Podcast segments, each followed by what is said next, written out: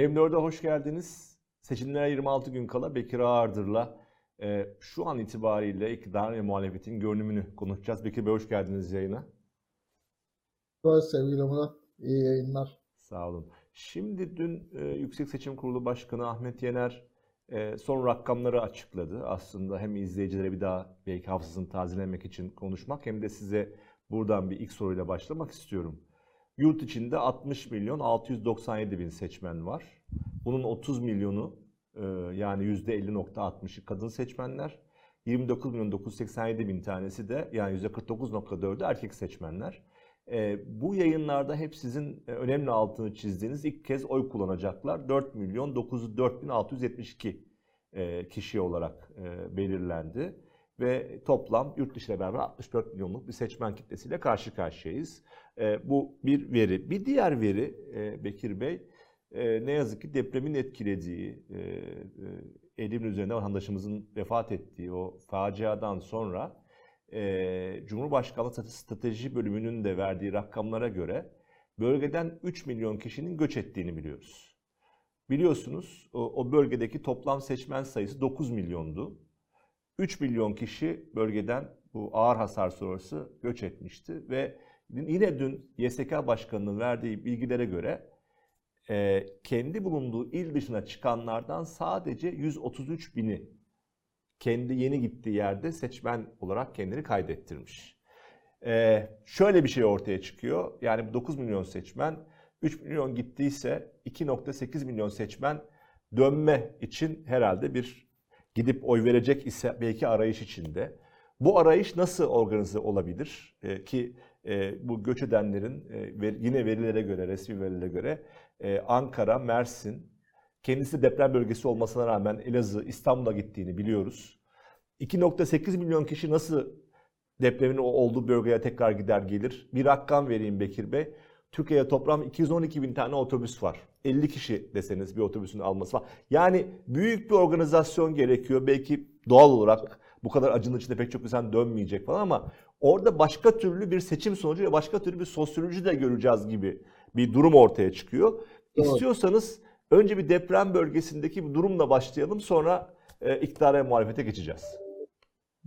Doğru. Yani seçimin sonucunu etkileyecek en önemli unsurlardan birisi katılım oranları ve katılım oranları deyince de e, üç ayrı katmanı var. Birisi, birincisi de tam da senin sözünü ettiğin deprem bölgesindeki katılımın ne olacağı meselesi. E, yani bir deprem bölgesindeki seçmenlerdeki seçime katılım meselesinde e, iki ayrı tarafı var işin. Birisi arzu, niyet olarak gerçekten bilinçli olarak katılıp katılmamak meselesi. İkincisi de hani istese de katılamamak yani başka şehre göçmüş ama maddi sebepten ama başka sebeplerden o gün gidip katılıp katılamayacakları meselesi çok da belirleyici olacak. Önemli sayılar çünkü senin biraz önce sözünü ettiğin hep benim yaptığım hesapla hani belli bir varsayımla yaptığım hesapla oradan konuşalım istersen önce o çerçeveyi çizmek için 60.6 milyon ve şimdi seçmen var işte 3.5 milyona yakın yurt dışı seçmen var. Şimdiye kadarki bildiğimiz ülkenin genel alışkanlıkları içinde %82-87 arasında oluyor seçime katılım. Ama araştırmalarda gördüğümüz bu sefer seçime katılım arzusu %90'ın üzerinde geçersiz oyları falan da dikkate aldığımızda yurt dışı yurt içi seçmende eğer %87-88 katılım olursa geçersiz oyları da dikkate aldığımızda demek ki 54 milyon yurt dışından gelecek seçmenlerle beraber 55-56 milyon civarında geçerli oydan hesap yapacağız. Şimdi bunun önemi şurada demek ki bir puan dediğimiz zaman herhangi bir aday ya da parti için 550 bin mertebesinde oy kullanıyor oy konuşuyoruz demektir. Şimdi eğer deprem bölgesinde, şimdi deprem bölgesine geri dönelim. Deprem bölgesinde 1 milyon seçmenimiz sözü edildiği gibi eğer gerçekten 3 milyon bölgeyi terk etme hali varsa o 3 milyonun 2,5 milyon oy kullanmadığı zaman 5 puana yakın sonucu etkileyecek bir seçmen kitlesinden konuşuyoruz. Ee, ama bir yandan da unutmayalım ki o deprem bölgesindeki hikaye ağırlıklı olarak yani Hatay hariç diğer iller ağırlıklı olarak AK Parti'nin güçlü olduğu yerler. Yani AK Parti'nin e, oyundan azalacağı ya da azalmakta olduğu varsayılabilir. Ama böyle bir varsayımı da çok kuşkuyla karşılıyorum. Çünkü AK Parti bunu bile bile razı olur muydu? Ya bundan da çok emin değilim. Daha doğrusu 3 milyon seçmenin o bölgeyi terk ettiğinden emin değilim. Bir kere yani çok fazla bir sayıdan konuşuluyor ve 3 milyon insan bölgeyi terk edip Anadolu'nun başka illerine İstanbul'a, Antalya, Ankara'ya yığıldıysa gözden fark edeceğimiz bir kalabalıklaşma ya da bir hareket olurdu. Ama yine de ciddi bir oran olduğunu söylemek mümkün. Ee, ikinci bir şey o bölgede yıkımlardan dolayı sandıkların nasıl kurulacağı, o gün sandık güvenliğinin nasıl sağlanacağı ve o bölgedeki insanların çadır kentlerden, konteyner kentlerden çıkıp ne kadar arzuyla, istekten oy kullanmaya gelecekleri de e, belli değil. Dolayısıyla birinci önemli unsur, hani sayılar tartışmalı da olsa e, deprem bölgesindeki 11 ildeki katılım oranları 14 e, Mayıs akşamı karşımıza çıkacak tabloyu çok ciddi biçimde etkileme potansiyeline sahip. Hangi aday lehine ya da aleyhine olur ayrı bahis ama sonucu çok ciddi biçimde etkileyecek. Birincisi o. İkincisi yine 133 bin kayıt deprem bölgesinden çıkanlara dair 133 bin yeni seçmen kaydı yapıldı diye YSK açıklamış ama Orada da mesela şöyle bir durum var. Hani bir yandan da o bölgedeki insanlarımızın, seçmenlerin katılım arzuları, niyetleriyle ilgili bir belirti, emare ya da ipucu sayılabilecek şöyle bir veri var. Biliyorsun eğer deprem şu veya bu nedenden ya da deprem bölgesinden çıkmak zorunluluktan çıktıysan bile eğer çocuğun varsa okula giden çocuğunun okul naklini yapman gerekiyor. Hemen bir an önce. Ee, ve okul nakli yapabilmek için de ikametgahı almak gerekiyor. Benim bildiğim kadarıyla elimizde formal çok resmi bir bilgi yok e, elimizde ama benim bildiğim kadarıyla informal bilgilerden 200 binin üzerinde çocuğun okul kaydı değişikliği yapıldı. Bu ne demektir? Anne babalarıyla beraber saydığın zaman minimumda 600 bin ya da en az 400 bin seçmen hareket etmiş ve adres değiştirmiş demek. Demek ki eğer bu 400 binin kabaca bu 400 binin 133 bini kayıt yaptırdı ise demek ki 270 bini yani neredeyse yarım puanı bilerek isteyerek tepki vermek için şey, seçmen kütüğünde adres düzeltmesi yapmamış. Ama istese de fiilen adresi değişmiş durumda. Yani o düzeltme yapmamış olsa bile. Onun için onlar sandığa istemiyorlar demek. O yüzden hem katılım arzusu burada belirleyici olacak hem de e, o gün sandıkların, sandık listelerinin güvenli ve temiz, doğru güncellenmiş bilgi ve güvenli alanlarda sandık kurulup kurulmadığı belirleyici olacak. Ama seçim gecesinin en önemli e, şeylerinden önemli unsuru diyelim sonucu etkileyecek deprem bölgesindeki katılım olacak. İkincisi yine katılımdan başladığımız için yine katılıma dair ikinci bir e, bilemediğimiz şey ya da sonucu çok ciddi biçimde etkileyecek şey yurt dışı seçmenler. Şimdiye kadar bildiğimiz katılım oranları yurt dışı seçmenlerde yarıya yakın e, mertebesinde oluyor. E, ve genellikle de işte AK Parti, HDP gibi daha örgütlü olanların güçlü olduğu sonuçlar çıkıyordu. Ama bu kez Özellikle son 4 yıldır, 5 yıldır ülkeden giden bankacılar, akademisyenler, bilgisayarcılar gibi nitelikli insan beyin göçü meselesinden dolayı yurt dışındaki seçmen profilinde de değişiklikler var. Bu kez özellikle topluca baktığımızda muhalefet yani iktidar karşı toplum seçmenlerinin yurt dışından katılım arzusu daha yüksek. Dolayısıyla %50 yerine %70 katılım olduğu zaman o da mesela muhalefet defini lehine e, bir puan mertebesinde e, şey katkı yapacaktır. E, o da önemli unsurlardan birisi, birisi olacak yurt dışındaki seçmenlerin katılım arzuları ve katılımları. Evet. Bekir Bey tabii siz yıllardır sayılar üzerinde çalışıyorsunuz. Sadece sosyolojik kısmını değil. Demin söylediğiniz seçime katılım oranının yüksek olma potansiyeli. Türkiye'nin seçim tarihinde 1950'deki'den başlatırsak çok partiliye geçiş olarak ilk demokratik Hı-hı. olarak gördük. Bugüne kadarki dönemlerde e, 60'lardaki iki seçim hariç hep %80 bandına yakın bir yerde oy kullanma evet. olmuş. Evet. Ama iki yerde çok yüksek oy var. Yani sandığa gidiş var. Biri 1950 andığımız seçim. Biri 1983, 12 Eylül darbesinden hemen sonra yapılan e, ilk seçimler. Aynen. Her ikisinde de millet iradesi sistemi değiştirmiş aslında. Bu önemli birer gösterge Evet. olarak benim hani e, siyasi tarihe baktığım Doğru. zaman Yani seçime katılım oranı yüksekliği demek değişim arzusunun da yükselmesi Evet, demek. Olanı evet. korumaktan daha çok değişim arzusunun yükselmesi demek. O nedenle bu seçimde e, muhtemelen 90 %90 mertebesinde bir katılım bekliyorum ben. Ee, şimdi Bekir Bey şöyle bir şey e, tekrardan güncel siyasete gelelim. E, hem e, Cumhur İttifakı'nın iktidarın hem muhalefetin çalışmaları üzerinden size birkaç şey soracağım. Dün Cumhurbaşkanı Tayyip Erdoğan İstanbul Finans Merkezi'nin açılışında ekonomide sıkıntılar varmış. Yo biz gayet yolunda devam ediyoruz diye bir cümle kullandı. Şimdi tabii ki de oy verme davranışlarında duygusal bağ, pragmatik fayda, güç performansı önemli ama ekonominin de bu ne kadar önemli bir noktada olduğunu biliyoruz. Mesela biz şu anda sizinle bu bunu konuşurken e, herhangi bir vatandaş veya şirket bankaya gitse belli bir limitle 19.40 liraya alabiliyor bir doları. Satışı da 19 lira 10 kuruş. Bu da bizim cep telefonları, bilgisayarlar dahil. Ama zaten para vermiyorlar, almıyorlar falan. Kapalı çarşıya gittiğiniz zaman 20 lira 20-21 lira arasında e, bir fiyata satılıyor. 20 liraya 19.95 o- 20 lira arasında sat, e, sizden dolarınızı alıyorlar. Şimdi, şimdi bir sürü ekonomist bunu yazmaya başladı. Türkiye tarihinde banka ile kapalı çarşı arasında yani serbest piyasa arasında hiç bu kadar açılmamıştı. Daha 25 gün, 26 gün var. Yani ekonomiyi öyle bir noktaya getirdiler ki hani pimi çekilmiş bomba gibi duruyor şu anda ortada. Dolayısıyla Aynen. hani Cumhurbaşkanı'nın istediği kadar yo desin. Sizin sıradan insanların benim gibi, sizin gibi insanların kasaba, manava gittiği zaman karşılaştığı tablo veya bir şirketin veya ihtiyaç sahibinin bankaya gittiği zaman karşı karşıya gördüğü kurlarla ilgili tablo bütün bunlar aslında bir felaketin daha da büyüdüğünü gösteriyor.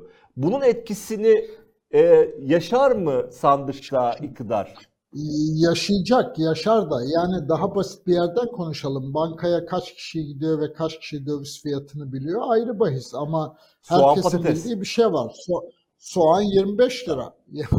Tabii. patates 20 lira. Dolayısıyla e, ekmeği ya da simit 7,5 lira. Yani orada sorun yok. Yani insanlar e, bir kere bunun gösterdiği şey tabii ki seçmen ekonomik gidişattan baktığı zaman iktidara yazıyor bunun faturasını.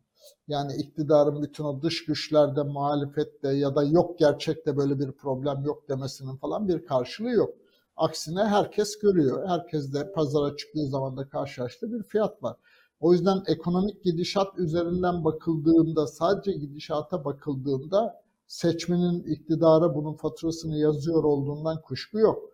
Ama tabii tek başına gidişat belirlemiyor bir yandan. Yani burada e, iktidar ile seçmeni arasındaki ilişkiyi belirleyen başka unsurlar da var. Ama iktidar açısından bakınca e, evet toplum bir yandan hem geleceksizlikten, gelecek konusundaki kaygı ve endişe baskın, ekonomik gidişat konusunda çok endişe ya da şikayet baskın vesaire.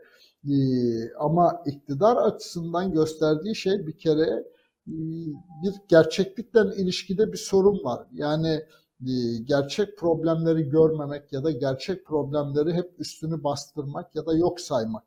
Şimdi mesela Muharrem İnce meselesini bir de bu çerçeveden yani konuyu hemen Muharrem İnce'ye getirmek istemiyorum ama e, şunu da söylemeden geçemeyeceğim. Muharrem İnce tartışarak muhalefet örneğin ya da e, tip HDP'nin oylarını eksiltecek mi eksiltmeyecek mi tartışarak iktidarın çok arzuladığı bütün bu ekonomik yıkımın konuşulmasına kendi kendine engel oluyor. Yani iktidar da bunun konuşulmasına istemiyor zaten ya da yokmuş gibi sayılmasını istiyor. Muhalefet kanadı ise ya da muhalefetin entelektüelleri ise kendi kendilerine e, HDP ile tip kavgası yapmaktan ya da e, Muharrem İnce kavgası yapmaktan ekonomiyi gündeme getiremiyorlar. Yani bir kere tuhaf bir durum var. Hep beraber dolayısıyla gerçekliği sadece iktidar görmüyor değil, muhalefetin birçok unsuru da gerçeklikten beslenen bir siyaset üretmiyor. Vesveselerden üreten bir siyasetin içine sıkışmış. Yani gündemi e, ekonomiye de getiremiyor. İkincisi ekonomiye dair iktidarın yapabildiği şey demin dediğim gibi yani hem bir yandan yok böyle bir şey demek.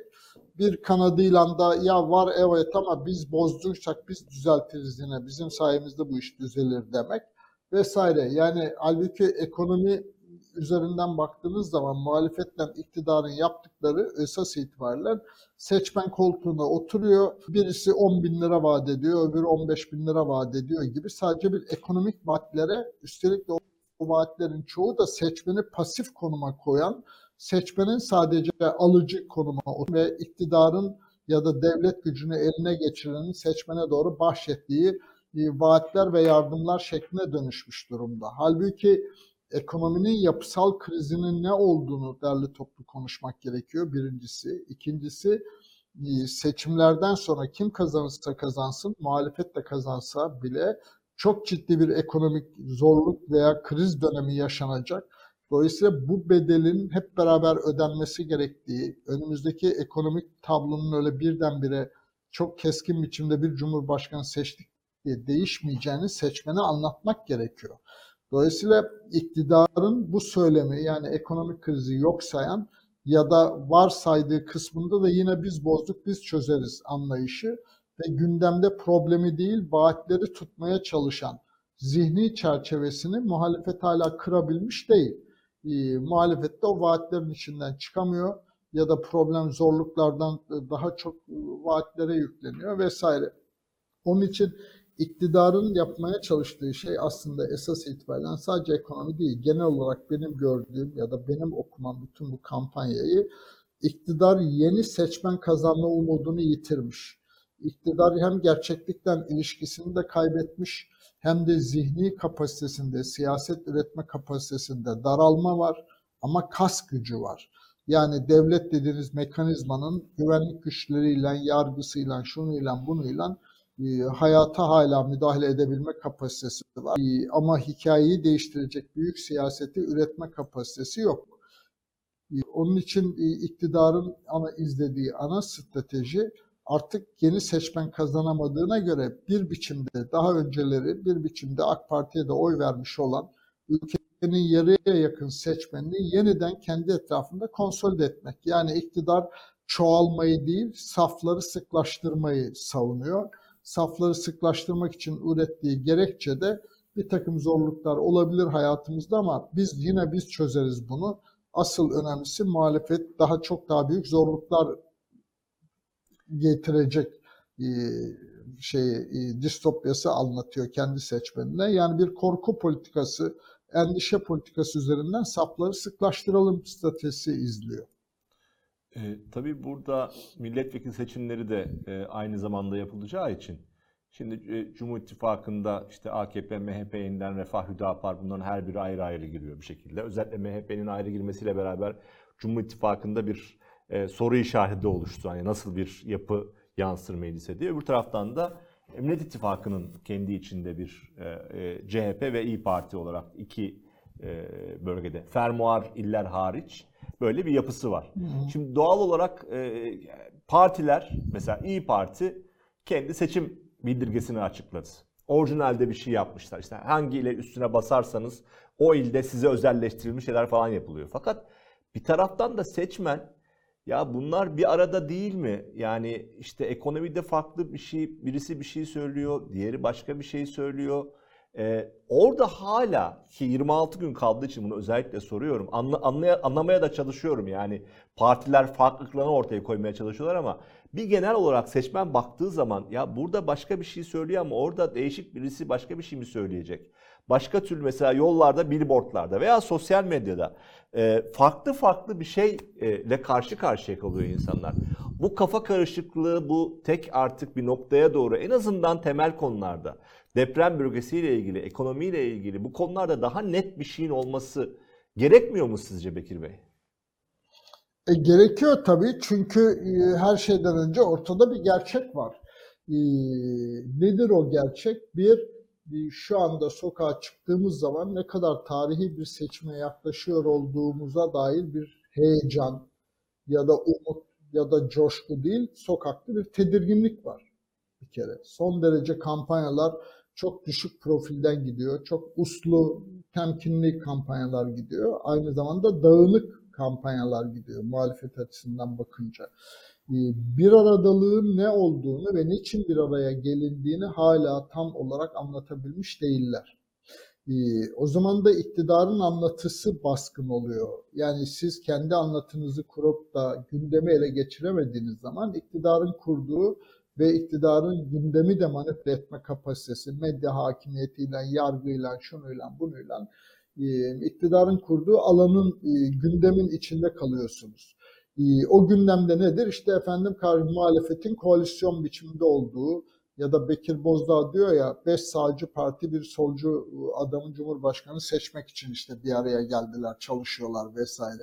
Yani bir aradalığın ruhu ve niçin bir aradalığa ihtiyaç olduğu topluma tam anlatılabilmiş değil ve buradan bir heyecan ya da umut, coşku yaratılmış değil.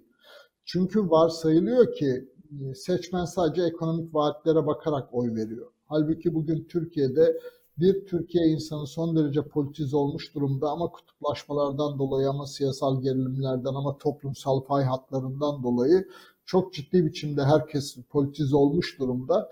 O nedenle de ekonomik reformlar kadar ekonomik reformların yanı sıra ve aynı zamanda bütüncül biçimde, senkronize biçimde demokratikleşme ya da siyasi reformların da yapılması ihtiyacının herkes de farkında.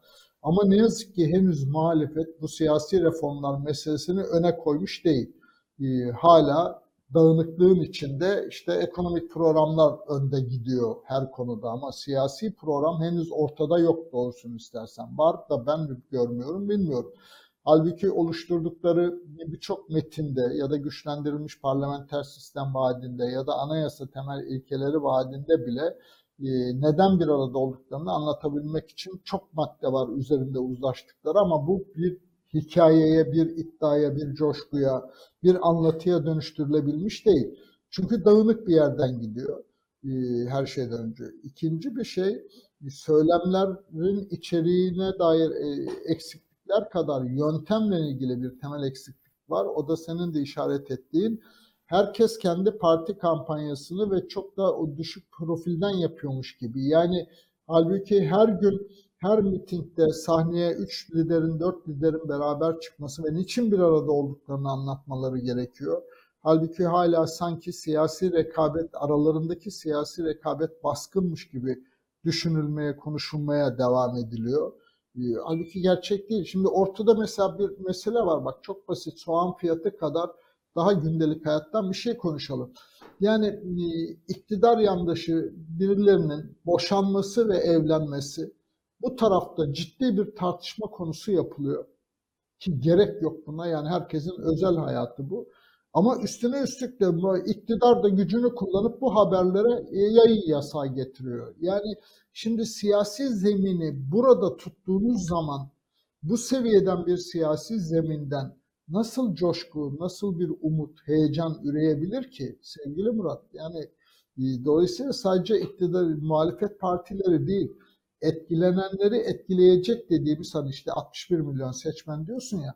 Bunun diyelim 6 milyonu hani azdır gücümüz çoktur ayrı bahis ama senin benim gibi ortalıkta konuşanlar, yazanlar, işte hani sözüne bakılanlar ya da sözü dinlenen insanlar diyelim yüzde onuysa bu yüzde onun gündemi bile bir boşanma tartışmasından ya da Muharrem İnce'nin e, lümpenliğinin dışına çıkamıyorsa toplumun geri kalan 55 milyonu nereden umut ve coşku üretecek söylesene bana.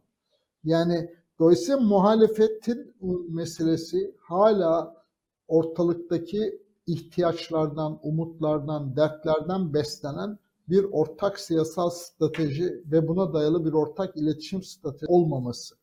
Bu durum ise iktidarın lehine çalışıyor. Neden iktidarın lehine çalışıyor? Çünkü iktidar hem oyunu hem oyunun kurallarını kendi istediği gibi koyabilme kapasitesine sahip hala bir kas gücü var.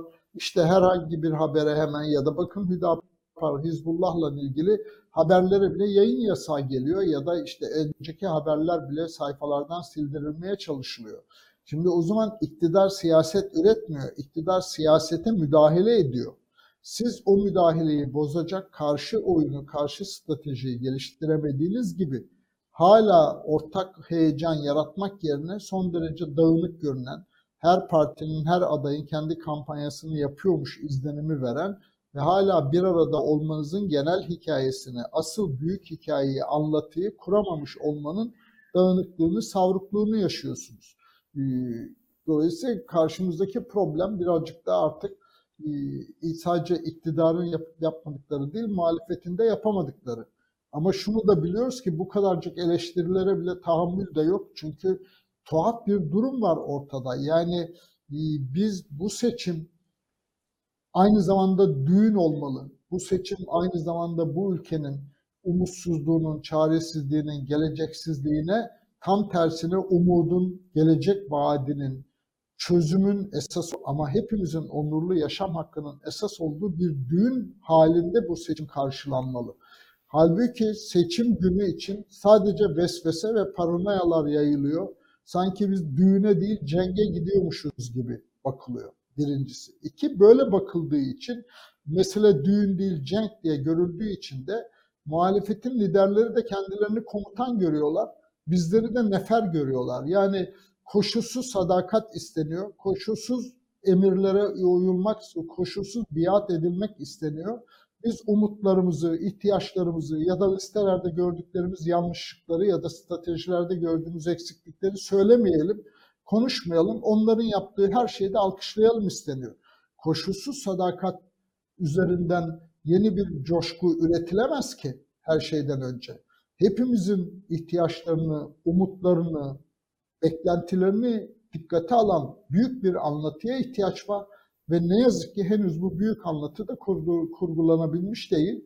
Dolayısıyla o kurgu olmadığı için onun e, iletişim stratejisi de görünmüyor. Hala dağınık görünüyor. Ama her şeye rağmen ben seçimlerden sonra yani şey bayramdan sonra e, yeni bir hamlenin son düzlüğe, son etaba girildiğinde daha coşkulu bir birlikte yürütülen, bütün muhalefetteki aktörlerin sadece Millet İttifakı'nın değil, Emek ve Özgürlük İttifakı'nın da dahil bu ittifaklar dışı ya da parti siyasetlerinin dışındaki sivil toplum örgütlerinin de dahil olduğu bir başka büyük heyecan için yeni bir son etapta yeni bir hamle bekliyorum doğrusunu istersen ya da olması gereken budur diye düşünüyorum.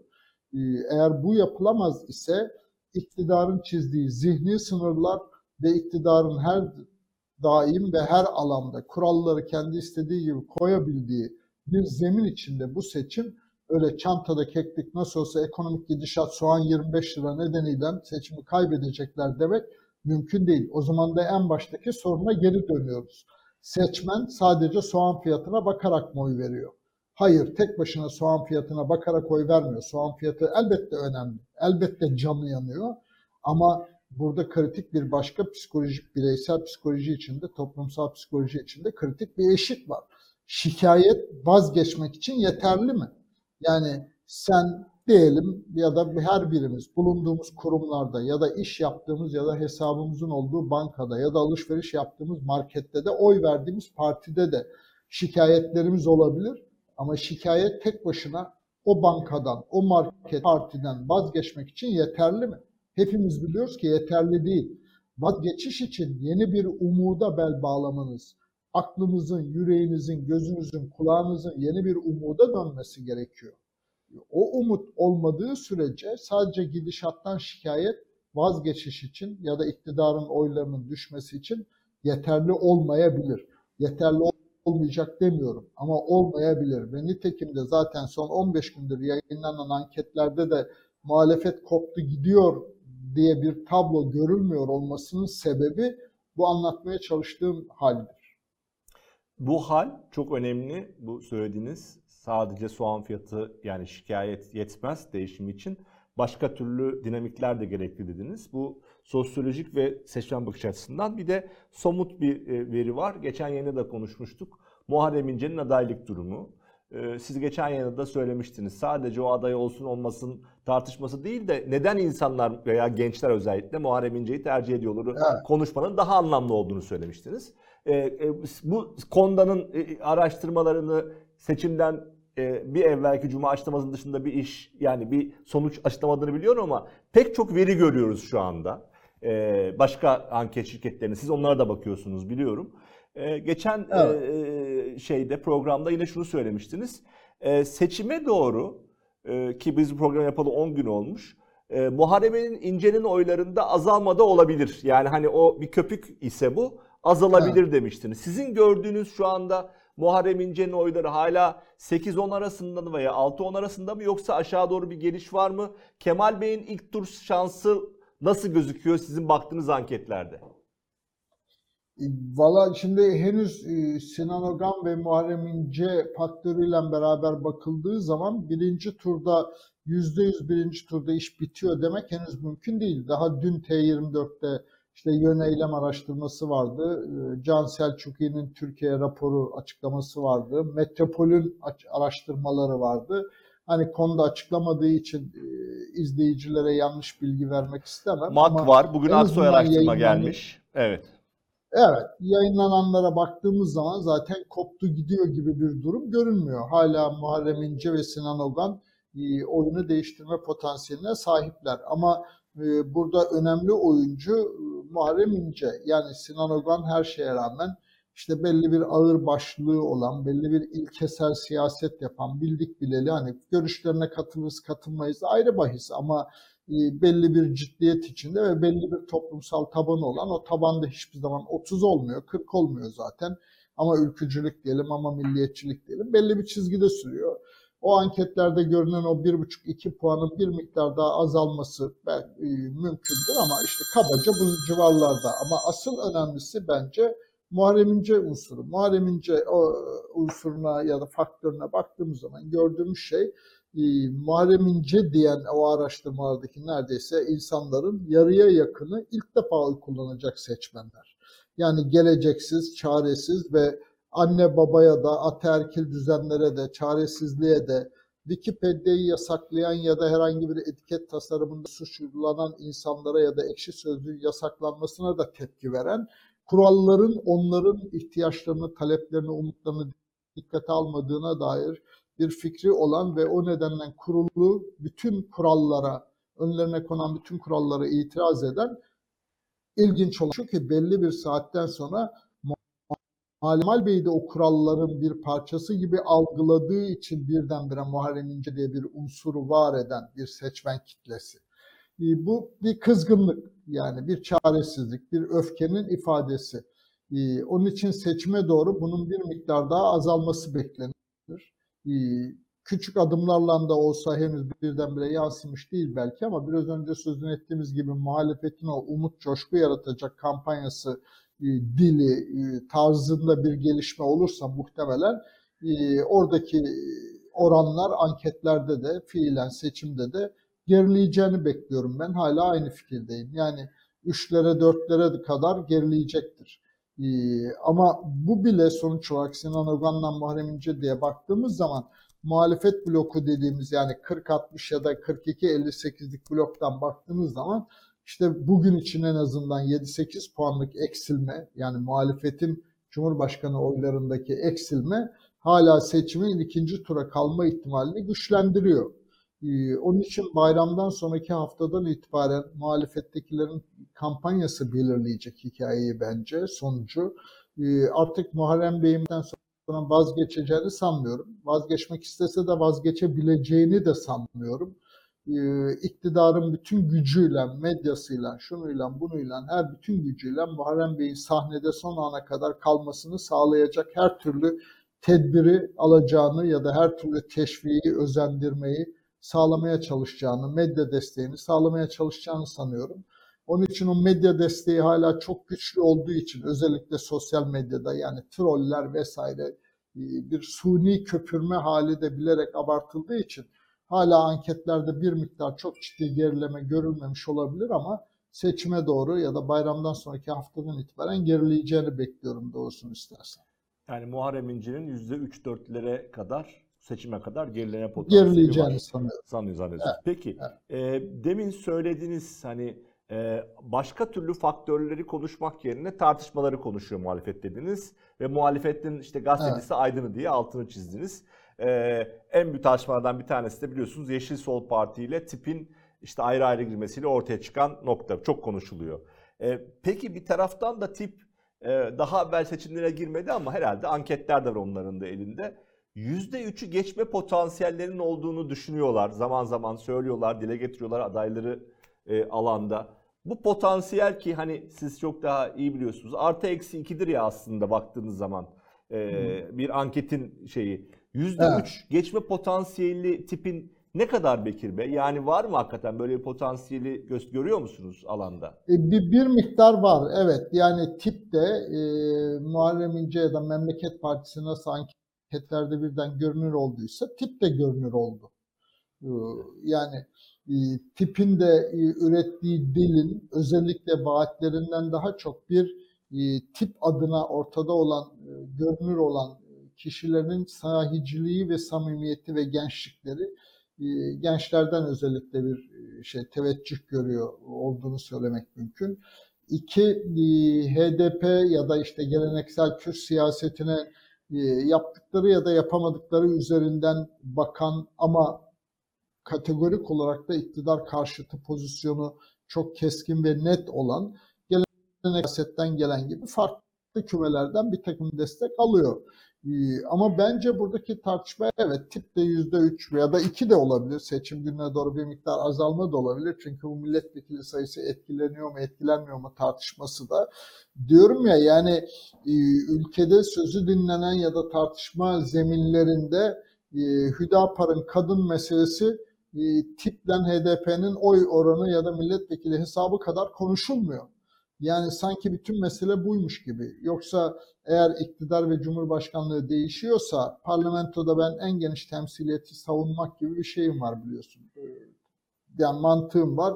Çünkü yeni bir anayasa yapacaksak her ne kadar bloklar halinde, ittifaklar halinde seçime girilmiş olsa da e, seçimin bir hafta sonrasında muhtemelen parlamentoda 3 blok gibi görsek bile karşımıza 15-16 parti çıkacak neredeyse. Yani bütün partiler ya da birbirinin listesinden giren bütün adaylar partilerine döndüklerinde. Dolayısıyla böyle bir tabloda tipin bir milletvekili eksik veya fazla ya da Yeşil Sol Parti'nin bir milletvekili eksik veya fazla o kadar da önemli olmayabilir belki. Burada hikayenin zihin dünyasını ve gündemi bu kadar kaplıyor olması. Gündemi asıl Hüdapar'ın meselesi ya da işte hükümetin yaptıkları ya da güvenlik meselesi ya da her şeyi bütün muhalefeti terör parantezi içine alma, alıyor olması tartışmaları yerine bunu alması çok da doğru görmüyorum doğrusunu istersen ama sonuç olarak e, bütün bu tartışmaların bir etkisi olacak elbette. O yüzden tipin hani 10 alacak, 8 alacak demek mümkün değil ama 1 alacak demek de mümkün değil. Yani bugün anketlerde göründüğünden o ki işte 3 mertebe, %3 mertebesinde bir oyu e, görünüyor. E, Bu bir miktar artabilir, bir miktar da eksilebilir ama kabaca bu seviyeyi koruyacağını sanıyorum. Ee, Bekir Bey son olarak e, e, CHP Genel Başkanı ve e, Millet İttifakı'nın Cumhurbaşkanı adayı Kemal Kılıçdaroğlu'ya ilgili bir şey sormak istiyorum size. E, En son dün gece Kürtler, aynen kelime buydu, başlığını kullandığı bir video paylaştı ve orada her seçimlerde genel olarak Kürtleri bir çerçeve içine alıp terörist olarak gösteriyorlar. Buna karşı çıkıyorum diye bir bir, bir dil kullandı. Şimdi Kemal Bey aslında iktidarın özellikle AKP'nin Erdoğan'ın kendi içinde çizdiği devlete, söyleme, muhalefete bir çizginin dışına doğru çıkmaya başladı aslında ve çıktıkça da karşılığında görüyor Doğru. kısmen. Şimdi bu Aynen bunu, öyle. bunu yani hani bu çizgileri hani kendi tavrı, kendi hali e, muhafazakarlıktan Kürt sorununa kadar daha da altını çize çize gidiyor. Bunun bir karşılığı olacak mı? Tırnak içinde bu cesaretin, bu daha farklı bir çizgide gitmenin bunun bir karşılığı olacak mı sizce? E, olacak elbette. Yani Kemal Bey'in burada hasleti ya da meziyeti birazcık sükuneti. Evet. E, bir sükun çünkü yani gerçekten ülke bütün bu tartışmalardan çok yorulduk. Bütün bu gerilimlerden çok yorulduk. O yüzden bu gerçekten bu seçimin bir cenge, savaşa gidiyor olmak değil, düğüne gidiyor olmak olduğunu, hep beraber geleceğimiz için yapacağımızı ve hangi tercihte bulunursak bulunalım aynı geleceğe hepimizin mahkum olduğunu da biliyor olmak. Dolayısıyla Kemal Bey o sükunet üzerinden e, belli bir güven yaratıyor. Muhafazakar dünyada da ya da işte en azından Saadet Partisi ilişkisinde, DEVA ile İyi Parti ile ilişkilerinde de. E, ama tek başına tabii bu sükunet yetmiyor. Sonuçta oy alıp başkanlık yetkisini, mührünü alabilmeniz için aynı zamanda maharet, e, aynı zamanda neyi nasıl yapacağınıza dair toplumda seçmende bir güven uyandırmak meselesi de var. Ama her şeye rağmen yine de dünkü örneğin Kürtler başlıklı videosu bence önemli dönüm noktalarından biriydi. Yani olumlu anlamda bularak söylüyorum. Neden? Çünkü son iki yıldır Kemal Bey'in hemen hemen birçok hamlesi esas itibariyle hani başörtüsü yasa teklifi dahil e, birçok konuda hep muhafazakar dünyaya doğru bir şey söylemek söylemeye çalışmaktı. Hep o tarafa doğru söylemeye çalışmaktı. Halbuki bu tarafta baktığınız zaman da aynı zamanda Yeşil Hareket, aynı zamanda Emek Hareketi, aynı zamanda Kadın Hareketi, aynı zamanda Kürt meselesi, laiklik meselesi gibi de bin tane de başka problem var. Tek başına sadece muhafazakarların geleceğinde kazanımlarını kaybetmeyeceklerini taahhüt etmenin dışında başka derdi, meramı, ihtiyaçları olan insanlar var ve Kürtler de bu konudaki en büyük gruplardan birisi. Onun için Kemal Bey'in bu açıklık ve netlikte meseleye e, koyduğu çerçeve doğru ve gerekliydi de. Onun için çok da doğru oldu. Ama tabii ki işin bir ikinci adımı ya da gerekliliği var. O çerçevenin içinde ne yapacağınıza dair bir umudu inşa etmek ya da ne yapacağınıza, nasıl yapacağınıza dair de Kürtlerin dertlerine, meselelerine dair de bir e, açılımda bulunmak. Onu yapıp yapamayacağı ayrı bahis. Ama en azından çerçeve olarak iktidarın çizdiği o zihni sınırda ve sadece hikayeyi bir terör parantezi içinden tartışmaya zorlayan, zihni sınırı aşan bir çaba oldu. Onun için ilgi gördü bence e, ve de anlamlı ve gerekliydi. Hatta geç kalınmış bir hamleydi ama doğru oldu. Ve bunun da doğal olarak bir etkisi olacak elbette yani olur. Evet Bekir Bey son demiştim ama şunu da sorup öyle bitireyim. Şimdi e, bayram sonrası belli ki daha fazla miting olacak. 24'ünde e, pazartesi bayram bitiyor. Ondan sonra 6 gün Nisan'dan 13 günde Mayıs'tan 19 günlük bir süre kalıyor. Bu 19 günde muhalefette, iktidarda, bütün partilerde ne kadarlık bir değiştirme potansiyeline sahipler? Yani e, bir ortadaki bir çünkü biliyoruz ki artık herkes evet. kutuplaşma sebebiyle partisinden vazgeçmiyor, pozisyonundan vazgeçmiyor, değiştirenler falan var ama bu 19 günde değiştirme potansiyeli olan oy oranı kaçtır? 3 müdür, 5 midir? Nasıl bir tablo olacak? Valla söyleyeyim yani evet bir kere e, seçmen e, biraz gecikti bu. Yani seçmen bir buçuk sene önce de karar verebilirdi. Daha önce en azından e, benim 17-18 yıllık Konda'daki tecrübemden gördüğüm birçok seçimde seçmenin neredeyse %90'ının kararı 6 ay önce bile netleşiyordu. Bu sefer öyle olmadı. Bu sefer çünkü şikayet baskındı seçmende ya da gidişata itiraz, gidişattan dertlenme, umutsuzluk, çaresizlik duygusu çok baskındı. Ama kime güvenecekleri ve hangi iddianın, hangi adayın peşine düşecekleri konusunda e, karar netleşmemişti. Onun için böyle bir tereddüt ya da daha büyük kümeler hani işte kararsız oranı yüksek diyelim hani kod adıyla bütün kamuoyunun ezberlediği kalıpla konuşalım. Ama seçime doğru bana sorarsan artık %80-85'e yakın seçmenin kararı belli. Zaten bunların %60-65 seçmenin kararı adaylar kim olduğu belli olmadan da belliydi. Şimdi bu artık %85'ler mertebesine geldiğini sanıyorum. Şimdi geride kalan %15'in bir kısmı sandığa gitmeyecek.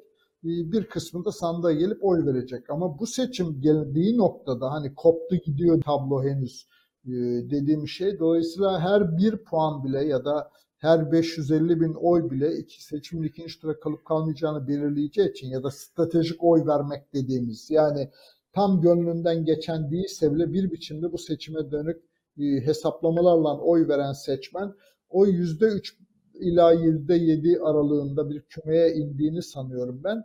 Ama o yüzde üç ya da yedi aralığındaki seçmenin her birinin bir kararı seçimin kaderini etkileyecek kritik eşiğe geldik. O yüzden evet henüz karar vermemiş olan Ee, ve sandığa gittiği zaman e, kararının hangi yönde teşekkür edeceğinden henüz emin olmadığımız oranlar artık %10'un altında ama oradaki her bir puanlık değişiklik de seçim sonucunu etkileyecek. Eski parlamenter sistemde olsaydı o bir puanlık değişiklikler çok ana tablonun karakterini değiştirmiyordu. Ama şimdi e, %50 artı 1'i toplamak diye bir cumhurbaşkanlığı seçim şartı olduğu için yarım puanlık hareket bile aslında çok değerli ve çok önemli olacak. O yüzden evet yani sorduğun sorunun cevabı henüz karar vermemiş olan ya da gerçekten samimiyetle tereddüt eden ve öyle mi böyle mi diye bakan seçmen sayısı maksimum %3 ila %7 aralığında bana soruyorsan. Çok spekülatif bir şey söylüyorum. Bunu böyle gram olarak ölçmek mümkün değil elbette ama e, oradaki her bir puanlık, yarım puanlık hareket bile iktidar ya ya da muhalefete doğru hareket bile de seçim sonucunu etkileme potansiyeline sahip. O yüzden de büyüklüğünden dolayı değil, işin kritikliğinden, özgül ağırlığından dolayı diyelim, son dakikada karar verecek her bir seçmenin oyu çok kritik duruma gelmiş durumda. Evet Bekir Bey, çok çok teşekkür ediyoruz. Seçimlere çok az bir zaman kala, 26 gün kala sizle bugünü konuştuk. Ama dediğiniz gibi günlük bazen hani birkaç günlük 24 saatlik e, zaman dilimlerinde pek çok şey değişiyor. 3 ile 7 arasında bir grubun ne yapacağını da belirlemiş olanların dışında önümüzdeki günlerde göreceğiz. Bayram sonrası tekrar umarım bir programda sizinle tekrar karşı karşıya olacağız. Evet. Evet. Yani Şimdiden de- iyi bayramlar demeden e, programı bitirmeden Evet. hem iyi bayramlar dilemek isterim izleyicilere hem de o cümleyi tekrarlamak istiyorum. Unutmayalım savaşa ya da cenge falan gitmiyoruz. Oy vereceğimiz insanlar da komutanlarımız ve savaşı yönetecek kurmaylar falan değil. Düğüne gidiyoruz ve de kendi geleceğimiz için bir tercihte bulunacağız ve oy vereceğimiz o liderler partilerde geleceğimizi şekillendirecek gücü ya da mührü ya da yetkiyi ellerine alacaklar. O yüzden tartışmaya, düşünmeye ama kavgaya değil de gerçekten geleceğimiz için bir umut inşa etmeye, çabalamaya devam. Evet, çok teşekkür ediyoruz Bekir Bey yayına katıldığınız için.